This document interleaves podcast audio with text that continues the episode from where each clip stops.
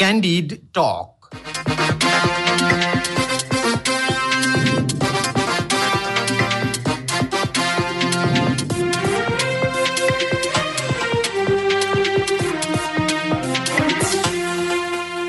नमस्कार क्यान्डिड टकमा तपाईँलाई स्वागत छ। म धीरज बस्नेत रेडियो क्यान्डिडको प्रस्तुति कार्यक्रम क्यान्डिड टक तपाईँले शनिबार बाहेक हरेक दिन बिहान साढे छ बजीबाट सात बजेसम्म आधा घन्टा सुन्दै आइरहनु भएको छ। समसामयिक विषयमा कुराकानी हुने यो कार्यक्रम तपाईँले काठमाडौँ उपत्यका र आसपासका जिल्लामा बयानब्बे दशमलव सात मेगाहर्जमा रेडियो क्यान्डिडको आधिकारिक फेसबुक पेजमा हाम्रो पात्रोमा रेडियो क्यान्डिडको एप्स डाउनलोड गरेर र पोडकास्टमा समेत सुन्न सक्नुहुन्छ। आजका लागि संसदको बैठक डाकिएको थियो तर अकस्मात सरकारले गैराती बाह्र बजेबाट नै संसदको हिउँदे अधिवेशन अन्त्य गरिदिएको छ। संसदको हिउँदे अधिवेशन अन्त्य भएसँगै निलम्बित प्रधान न्यायाधीश चोलेन्द्र शमशेर जवरा विरुद्धको महाअभियोग अलपत्र परेको छ। महाभियोग अलपत्र पार्ने गरी सरकारले अकस्मात किन संसदको हिउँदे अधिवेशन अन्त्य गर्यो? र सँगै स्थानीय तहको निर्वाचनका लागि दलहरू घर घर गाउँ गाउँ पुगेका छन् र दलहरूको अहिले स्थानीय तहको चुनावका लागि उनीहरू के एजेन्डा लिएर जाँदैछन्? खास गरी नेकपा एमाले यसका लागि कस्ता एजेन्डा बोकेर गाउँ पुग्दैछ? यी र यस्तै विषयमा आज हामी कुराकानी गर्दैछौँ नेकपा एमालेका नेता लालबाबु पण्डितसँग। पण्डितज्यू यहाँलाई स्वागत छ क्यान्डी टकमा। धन्यवाद। सबैभन्दा पहिला चाहिँ म संसदको अकस्मात रूपमा अन्त्य गरिएको हिउँदे अधिवेशनका विषयमा कुराकानी जोड्न चाहन्छु। संसदको यो हिउँदे अधिवेशन अकस्मात रूपमा अन्त्य गर्दाखेरि त्यसले एमालेलाई सहज तुल्याइदिएको हो। खास गरी तपाईँहरूलाई दिनहुँ नाराबाजी गर्नु पर्थ्यो अब त कम्तीमा नाराबाजी गर्नु परेन है।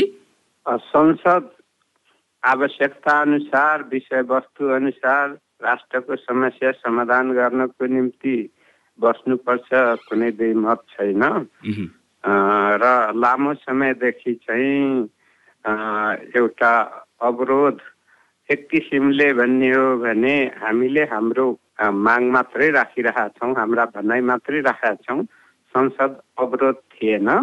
त्यस किन भन्दाखेरि संसद अवरोध भएको भए कुनै पनि प्रस्तावहरू पारित हुने थिएन। प्रस्तावहरू सरकारले चाहिँ लिएर आउने र पास हुने नै भइरहेकोले गर्दा कतिपय प्रस्तावहरू चाहिँ अहिले सत्तापक्षीय गठबन्धनले चाहिँ एमालेको सहयोगको आवश्यकता नठानिकन पास गरेका छन्। त्यस कारणले गर्दाखेरि जुन प्रस्ताव एमालेको सहयोग बिना पास भएको छ त्यसको जिम्मेवारी सत्तापक्षले नै लिने कुरा भइगयो एमाले लिने कुरा भएन। र र अहिले अहिले भन्नु पर्दाखेरि यो संसद अवरोध को बिचमै चाहिँ एमसिसी पनि पास भएको कुरा यहाँहरूलाई थाहा छँदैछ। त्यसैले गर्दाखेरि चाहिँ अहिले अहिले गठबन्धनमा आपसी कतिपय प्रस्तावहरूमा चाहिँ कुरा नमिलेको को हुन सक्छ त्यसैले गर्दाखेरि अब अहिले संसद चाहिँ स्थगित गरौँ र चाहिँ केही समयपछि तुरुन्तै संसद फेरि चाहिँ संविधान अनुरूप बोलाउनु पर्ने स्थिति हुन्छ र र चाहिँ बजेट अधिवेशनको निम्ति चाहिँ संसद बोलाउनु पर्ने भएकोले गर्दा हामी संसदप्रति जिम्मेवार छौँ छौँ र तर षड्यन्त्रहरूप्रति चाहिँ हामी सजग र सचेत पनि छौँ र षड्यन्त्रहरू हुँदाखेरि हामीले चाहिँ लगातार षड्यन्त्रहरूको विरोधमा चाहिँ निरन्तर खास गरी तपाईँहरूको सरकार हुँदाखेरि केपी ओली नेतृत्वको सरकार हुँदाखेरि छापामार शैलीमा संसदको अधिवेशन अन्त्य गर्यो भनेर तपाईँहरूमाथि आरोप लाग्ने गर्थ्यो। अहिले प्रधानमन्त्री शेरबहादुर देउवाले नै ठ्याक्कै त्यस्तै गर्न खोजेको हो कि जस्तो देखियो। तपाईँहरूको यस विषयमा केही टिप्पणी छ? अब पहिलो कुरा त के हो भन्दाखेरि आरोप लाउनु एउटा कुरो हो। अब संसद अधिवेशनको आवश्यकता चाहिँ सरकारले महसुस गर्ने कुरा हो। राष्ट्रको समस्यालाई चाहिँ अगुवाई गरेर समाधान गर्ने फलोको रूपमा नै संसद भएकोले गर्दाखेरि अहिले चाहिँ सरकारले चाहिँ त्यो चाहिँ अहिलेको समस्याबाट पन्छिन्न खोजेर अनि चाहिँ संसद चाहिँ को अधिवेशन अन्त्य गरिएको छ। त्यस कारणले अहिले मैले यसलाई धेरै ठुलो इस्यु बनाइराख्नुपर्ने आवश्यकता महसुस चाहिँ गरेका छैन। किन भन्दाखेरि गठबन्धन छ गठबन्धन छैन भन्ने जस्तो स्थितिमा भएकोले गर्दाखेरि चाहिँ सरकारको नेतृत्वकर्ता खास गरी मूलत रूपमा नेपाली काङ्ग्रेसको हैसियत संसदमा के छ र र विभिन्न चाहिँ षड्यन्त्रपूर्ण तरिकाले ले चाहिँ खास गरी एमाले सरकारबाट ठुलो जनमत सहितको पार्टी र सङ्ख्यात्मक रूपमा पनि पार्टी टीको अवस्थामा अहिले प्रमुख प्रतिपक्षमा भएको कारणले गर्दा दा अहिले काङ्ग्रेस र काङ्ग्रेसका सभापति प्रधानमन्त्री शेरबहादुर देउबाजीलाई चाहिँ संसदमा चाहिँ फेस गर्ने एक किसिमले आँट नगरेरै संसदको अधिवेशन अन्त्य गराइएको। तर तपाईँहरूले खास गरी महाभियोगको प्रस्तावमा सहयोग नगर्ने देखेपछि महाभियोगको प्रस्ताव चाहिँ यत्तिकै अलपत्र पार्न सरकारले संसदको यो हिउँदे अधिवेशन अन्त्य गरेको हो भन्ने कुरा आइरहेको छ। त्यस्तो हो? महा महाभियोगको प्रस्तावमा चाहिँ हामी छलफल गर्नको निम्ति मलाई आफै पनि समितिमा यदि हामी चाहिँ महाअभियोग छलफल पनि हुनु हुँदैन भन्ने भएको भए त एमाले प्रतिनिधित्व गराउने थिएन एमाले महाभियोग समितिमा प्रतिनिधित्व गराएको छ म आफै त्यसको एउटा सदस्यको रूपमा छु तर महाभियोग लगाएर अनि अनि जे उद्देश्यले लगाइयो त्यो उद्देश्यमाथि छलफल गराउन त अहिले सरकारले नै नचाहेर हो अहिले संसदभित्र प्रस्ताव ल्याएर तर त्यो समितिमा नपठाइकन संसद चाहिँ अधिवेशनको अन्त्य भएको छ त्यसैले गर्दाखेरि महाभियोग को प्रस्तावको कारणले सत्ता गठबन्धन अप्ठ्यारोमा पर्ने सक्ने स्थिति र त्यसमा चाहिँ छलफल गराउँदाखेरि चाहिँ आफूहरू चाहिँ डिफेन्सिभ हुने स्थिति हुन सक्ने सम्भावना तर्फ केन्द्रित भएरै होला कि ल्याउन ल्याइयो सोच विचार गरेर ल्याइएन न अनि प्रमुख प्रतिपक्षसँग सरसल्लाह पनि गरिएन।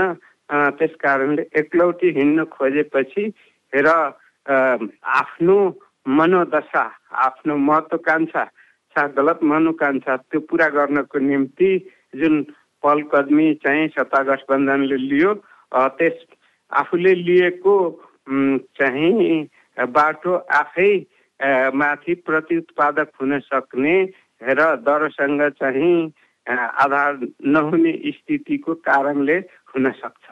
अर्को कुरा खास गरी तपाईँहरूले संसदलाई लगातार अवरुद्ध पार्दै आउनुभयो संसदमा नाराबाजी गर्दै आउनुभयो संसद चल्न हुँदैन हाम्रो माग पुरा नभएसम्म भन्दै आउनुभयो। तर संसदीय यसरी संसद अवरोध गरिराखेको एउटा पार्टी महाअभियोग भनेको एउटा संसदीय प्रक्रियामा चाहिँ सजिलै सामेल भयो। किन तपाईँहरूले यसो गर्नुभएको? हामीले चाहिँ हाम्रो संसदभित्रको हाम्रो हाम हाम्रो माग भन्दाखेरि हामीले पटक पटक प्रष्ट भनेका छौँ। सभामुख हजुरले चाहिँ गैर संवैधानिक काम गर्नुभएको आफ्नो अधिकारको दुरुपयोग गर्नुभएको एमालेलाई पार्टी विभाजनमा सहयोग पुर्याउनु भएको र संविधान अनुसार चौधजना सांसदहरूलाई पहिल्यै चाहिँ कारवाही गरेर निष्कासन भइसकेको स्थितिमा उहाँहरूको सूचना नटाँच्नु भएको त्यस कारणले गर्दाखेरि अहिलेको को समस्याको जर नै सभामुख भएकोले गर्दा कि चौधजनाको नोटिस निकाल्नु पर्यो कि कि त भन्ने हो भने सभामुखले चाहिँ आफ्नो राजीनामा दिएर मार्ग प्रशस्त गर्नु पर्यो। यही नै कुरा हो र हामीले संसदीय हामी कारवाही कहीँ पनि केही गरेका छैनौँ। त्यसकारण संसदीय समितिहरू चलिरहेको छ। संसदभित्र पनि हामीले हाम्रा कुरा राखेका छौँ। संसदमा बोल्न खोज्ने बोल्न पाएकै छ। मन्त्रीले प्रस्ताव राख्नु पाएकै छ। पास र फेल सभामुखले भन्न पाएकै स्थिति भएकोले गर्दा एमालेको सहभागिता बिना जे जे गर्न मि मिल्ने हो उहाँहरू गर्न सक्नुहुन्छ गर्दै आउनु पनि भएको छ। र र फेरि पनि गर्न सक्नुहुन्छ। मेरो प्रश्न चाहिँ तपाईँसँग के हो भने खास गरी तपाईँहरूको अवरोध तपाईँहरूको मागका विषयमा त करिब छ महिनादेखि संसद अवरुद्ध गर्दै आउनु भएको छ। अब त सामान्य जनताले नै बुझ्न थालिसके। होइन हामीले हाम्रो माग राखेको हो समस्या राखेको हो हाम्रो सहयोगको आवश्यकता छ कि छैन भन्ने कुरा चाहिँ हामीले चाहिँ भने। र उहाँहरूले दुइटै अधिवेशनमा एकलौटी हिसाबले गठबन्धन अगाडि बढेको हुनाले गर्दा संसद अवरोध छ भन्नु पनि नि मिल्दैन र हामीले हाम्रो हाम्रो माग चाहिँ संसदमा भएको क्रिया संसदमा नराख्ने हो भने जनताको समस्या संसदमा नराख्ने हो भने निकास संसदमा नखोज्ने हो भने सडकमा खोज्नु? कारणले ठिक ठाउँमा ठिक तरिकाले नै हामी समस्यालाई समाधान गर्नको निम्ति चाहिँ आफ्ना कुरा राखेका। मैले यहीँनेरि तपाईँसँग जोड्न खोजेको चाहिँ तपाईँहरूले संसदमा आफ्नो माग राखेर संसदलाई तपाईँहरूको तर्फबाट कुनै पनि प्रक्रियामा कुनै पनि भाग कार्यक्रममा तपाईँहरू सहभागी हुनु भएन चाहे त्यो बजेट होस् चाहे एमसिसी होस् चाहे अरू किन नहोस् तर तपाईँहरू महाभियोगको प्रस्तावमा चाहिँ सर्लक्कसँग त्यो महाभियोगको जुन छानबिन कमिटी बन्यो तपाईँ पनि त्यसको सदस्य हुनुहुन्छ। त्यसमा चाहिँ सर्लक्क सहजै कसरी सहभागी हुनुभयो? अब संसदभित्र यो महाभियोग समितिभित्र त्यो पास र फेल गर्नेमा हाम्रो सहभागिता छैन। त्यो त प्रक्रियामै पुगेको छैन समितिभित्र हाम्रो तर्फबाट प्रतिनिधित्व हुन्छ। के को निम्ति हुन्छ? भने यो संविधानको रक्षाको निम्ति हुन्छ। समितिभित्र हामी छलफल गर्न तयार छौँ। संसदभित्र हामीले छलफल पनि गरेका छैनौँ। त्यस कारणले हाम्रो तर्फबाट त्यहाँ समितिभित्र। प्रतिनिधित्व गर्नेको नामावली संसदको प्रक्रियाबाटै घोषणा भएको हो। तर त्यो प्रक्रियामा हामी सहभागी छैनौँ। तर समितिभित्रको काममा हामी सहभागी हुन्छौँ। किनभने हाम्रो हाम्रो विरोध। प्रतिनिधि सभासँग होइन। हाम्रो विरोध संसदसँग होइन। हाम्रो विरोध समितिसँग होइन। हाम्रो एक मात्र सभामुखको क्रियाकलापसँग भएकोले गर्दाखेरि त्यो सभामुखको पनि विगतको एमाले फुटाउने र अझै भन्नु पर्दाखेरि चौधजना सांसदहरूको निष्कासनको सूचना नटाँसिएको कुरासँग जोडिएको त्यसकारण अरू विषयसँग यसलाई जोड्नु हुँदैन र यसलाई सिँगै समिति सिँगै संसदीय प्रणाली सिँगै प्रतिनिधि सभासँग जोडिएर हेर्नु हुँदैन। अब अर्को पाटोतिर प्रवेश गर्न चाहे। तपाईँहरू अब चुनाव नजिकिसकेको छ निरन्तर बैठकमा छलफलमा जुटिरहनु भएको छ गाउँ गाउँ पनि प्रवेश गर्न थाल्नुभयो। चुनावको तयारी कस्तो छ एमालेको? एमाले साङ्गठनिक रूपमा चुस्त दुरुस्त भइसक्यो र हामीले चाहिँ हरेक टोलहरूमा पनि एमाले पुगिसक्यो र हरेक टोलमा को पनि हरेक घरमा एमाले पुग्ने तयारीका साथ अभियानमा लागिसक्यो र जनताको बिचमा एमाले लोकप्रिय छ र एमाले भित्र प्रवेशको पनि लहर त्यसरी नै छ र हामी संवैधानिक रूपमा आवधिक निर्वाचनबाट जनप्रतिनिधिहरू निर्वाचित भएर अनि जनताको सेवा राष्ट्रको सेवा विकास निर्माण लगायतको काममा लाग्नुपर्छ भन्ने त्यसमा कुनै द्विमत छैन। त्यस कारणले गर्दाखेरि स्थानीय स्थानीय तहहरूमा जो सरकारको रूपमा नै रहेकोले गर्दा हामीले नै भन्यौँ कि सिंहदरबारको अधिकार गाउँमा पुर्याएका छौँ र गाउँदेखि विकासको लहर ल्याउने कुरामा सबै लागिरहेका छौँ। तिन तहको को सरकार छ तर जग मूलत पहिलो जग स्थानीय सरकारहरू नै हो। त्यस कारणले गर्दा स्थानीय सरकारहरूले एकदम केही चाहिँ अपवाद बाहेक राम्ररी काम गरेको छ। र राम्ररी काम गर्ने जनप्रतिनिधिहरू फेरि अनुमोदित हुने नै छन्। र गलत गर्नेहरू दण्डित हुने नै छन्।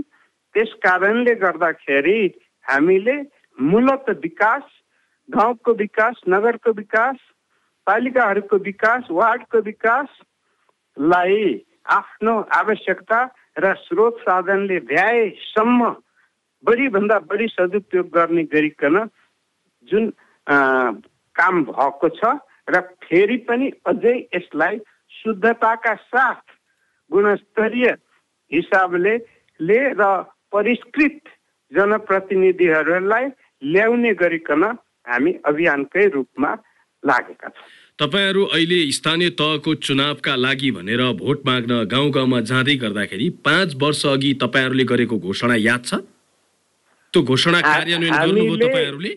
हामीले घोषणा याद नगर्ने कुरा होइन जसले लेख्छ उसले नबुझ्ने कुरा भएन। हामीले प्रष्ट रूपमा जति काम भएको छ त्यसलाई देखाउँछौँ। अधुरोलाई पुरा गर्ने प्रतिबद्धता गर्छौँ र थप नयाँ आवश्यकताहरूलाई स्थानीय स्तरबाटै को चाहिँ सूचीकृत गरेर अनि भविष्यको हाम्रो बाटो यो हो भनेर देशका हरेक पार्टीसँग चाहे त्यो गठबन्धन बनेर आओस् या चाहिँ एक्ला एक्लै आओस् सामना गर्नको निम्ति तयार छौँ। तपाईँहरूले अघिल्लो पटक पाँच वर्ष अघि जनताको घरमा जाँदाखेरि तिन वर्षमा एक घर एक रोजगारी र काठमाडौँ ललितपुर तथा भक्तपुर मिलाएर मेगा सिटी बनाउने घोषणा गर्नुभएको थियो। गर्नुभयो? हामीले कतिपय सङ्घीय संरचनामा जाँदा नयाँ व्यवस्थापन गर्दा कतिपय कामहरू अगाडि बढायौँ। र कतिपय चाहिँ बढाउन नसकिएको पनि यथार्थ हो र कतिपय चाहिँ यो राजनीतिक विभिन्न किसिमको विवादको कारण पनि नि चाहिँ अलिकति जुन मात्रामा अगाडि बढ्नु पर्थ्यो त्यो बढ्न नसकेको कुरा यथार्थ हो। होइन तपाईँहरूले अरूलाई दोष दिन त मिल्ने स्थिति नै छैन नि किनभने करिब तिन वर्षसम्म केन्द्रमा करिब दुई तिहाईको सरकार चलाउनु भयो स्थानीय तहमा तपाईँहरूको चालिस प्रतिशत भन्दा धेरै त एमालेको मात्रै सरकार थियो। माओवादी सहित मिल्दाखेरि नेकपाको त करिब तिन वर्षसम्म तपाईँहरूले साठी प्रतिशत भन्दा धेरै स्थानीय तहमा तपाईँहरूको सरकार थियो। के कारणले कारणले त्यसै कारणले भन्छौँ कि हामीले जुन बेला चलायौँ र सबभन्दा बढी ध्यान स्थानीय तहहरूमै केन्द्रित गर्यौँ। त्यस कारणले गर्दाखेरि जे जति विकासको गति लिएको छ र अझै भन्ने हो भने सङ्कटहरूमा जस्तो सुकै सङ्कटमा पनि समाधान गर्नको निम्ति जनप्रतिनिधिहरू अगाडि बढे तुलना गरौँ तुलना गरौँ। म एक वर्ष दुई वर्षको भन्दिनँ। विगतको बिस वर्षमा स्थानीय तहमा भएको काम र अहिले पाँच वर्ष जुन पुग्न लागेको छ त्यो बेलामा भएको काममा बढी त्यो बिस वर्षमा भएको कामभन्दा बढी अहिले यो पाँच वर्षमा भएको छ। भन्ने कुरा के हो भने मन एकछिनमा कता बिग्रिन्छ एकछिनमा मा चाहिँ नयाँ नयाँ कुराको खोजी हुन्छ। त्यस कारणले आवश्यकता अझै गतिका साथ अझै शुद्धताका साथ अझै थप सक्रियताको साथ एकताको साथ र विकास निर्माणमा कुनै पनि राजनीतिक रूपमा खिचातानी नभइकन जनतालाई सेवा प्रवाह विकास निर्माणमा गति लिनुपर्छ भन्ने नै भएकोले गर्दा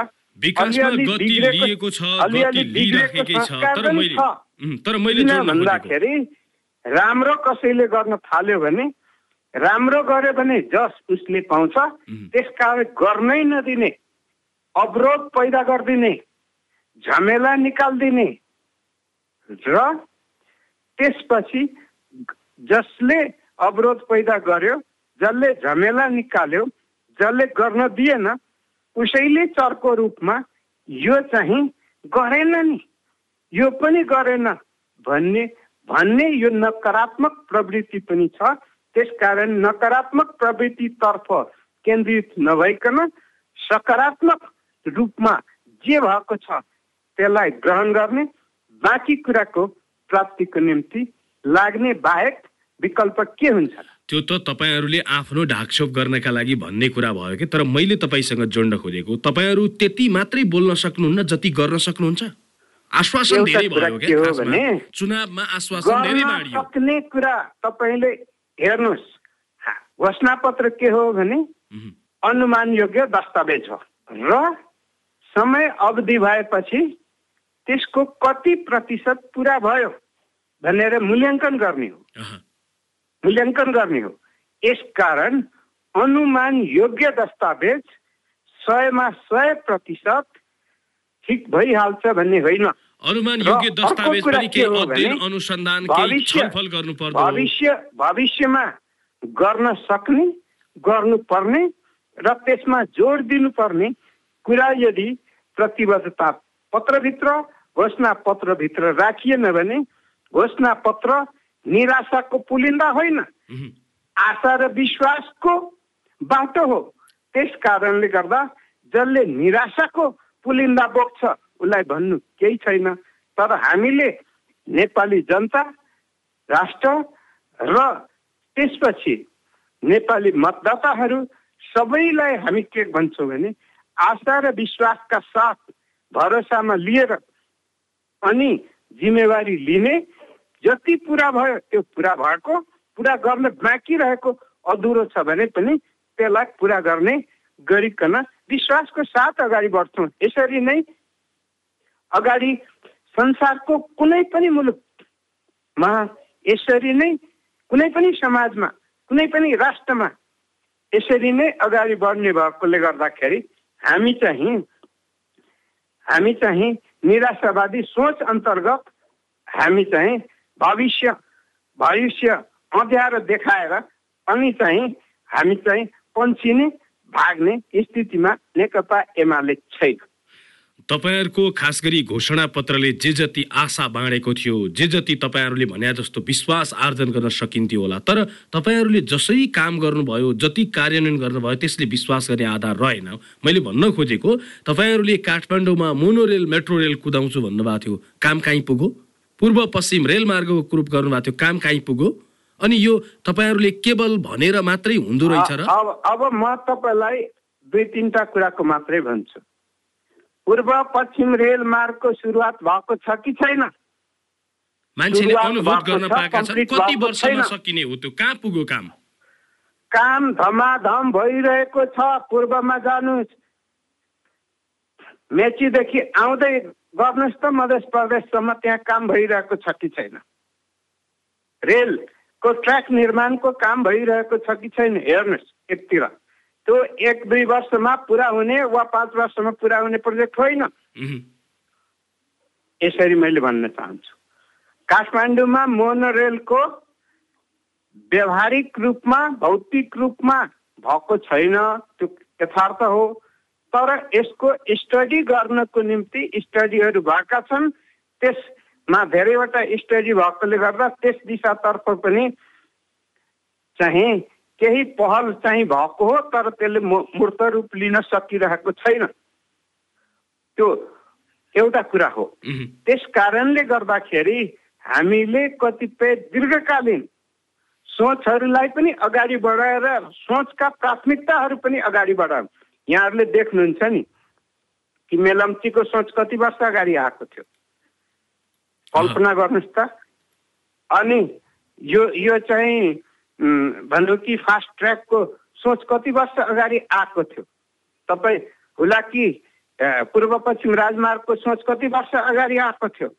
तपाईँ चाहिँ सिन्धुली बनेपा चाहिँ सोह्र सालमा शिलान्यास भएको होइन। कति वर्षपछि कम्प्लिट भएको थियो? त्यसकारण ठुला र मेगा प्रोजेक्टहरू सोच आएर अनि त्यसलाई चाहिँ कार्यान्वयन थाल्ने गर्नको निम्ति त्यसको व्यवस्थापन गर्नको निम्ति केही समय लाग्छ नेपाल जस्तो मुलुकको निम्ति र पुरा गर्नको निम्ति त्यसबाटै त्यसबाटै चाहिँ जनताले उपभोग गर्ने गरिकन त्यसको प्रतिफल लिन गरिकन केही समय लाग्छ। हस् यहाँलाई महत्त्वपूर्ण समय र संवादका लागि धेरै धेरै धन्यवाद। हस् धन्यवाद। आजको कार्यक्रममा अकस्मात अन्त्य गरिएको संसदको हिउँदे अधिवेशन र आउँदै गरेको स्थानीय तहको चुनावमा नेकपा एमाले लिएर जाने एजेन्डा र यसअघि बाँडेका आश्वासनहरूको समीक्षाका विषयमा नेकपा एमालेका नेता लालबाबु पण्डितसँग कुराकानी गर्यौं उहाँ पूर्व मन्त्री समेत हुनुहुन्थ्यो। हवस् त क्यान्डी टकको यो अङ्क आजलाई यति नै। प्रविधि संयोजनका लागि सशेन्द्र गौतम र सृजना भुजेललाई धन्यवाद। कार्यक्रमबाट म धीरज बस्नेत बिदा माग्छु। रेडियो क्यान्डिड सुन्दै गर्नुहोला। नमस्कार।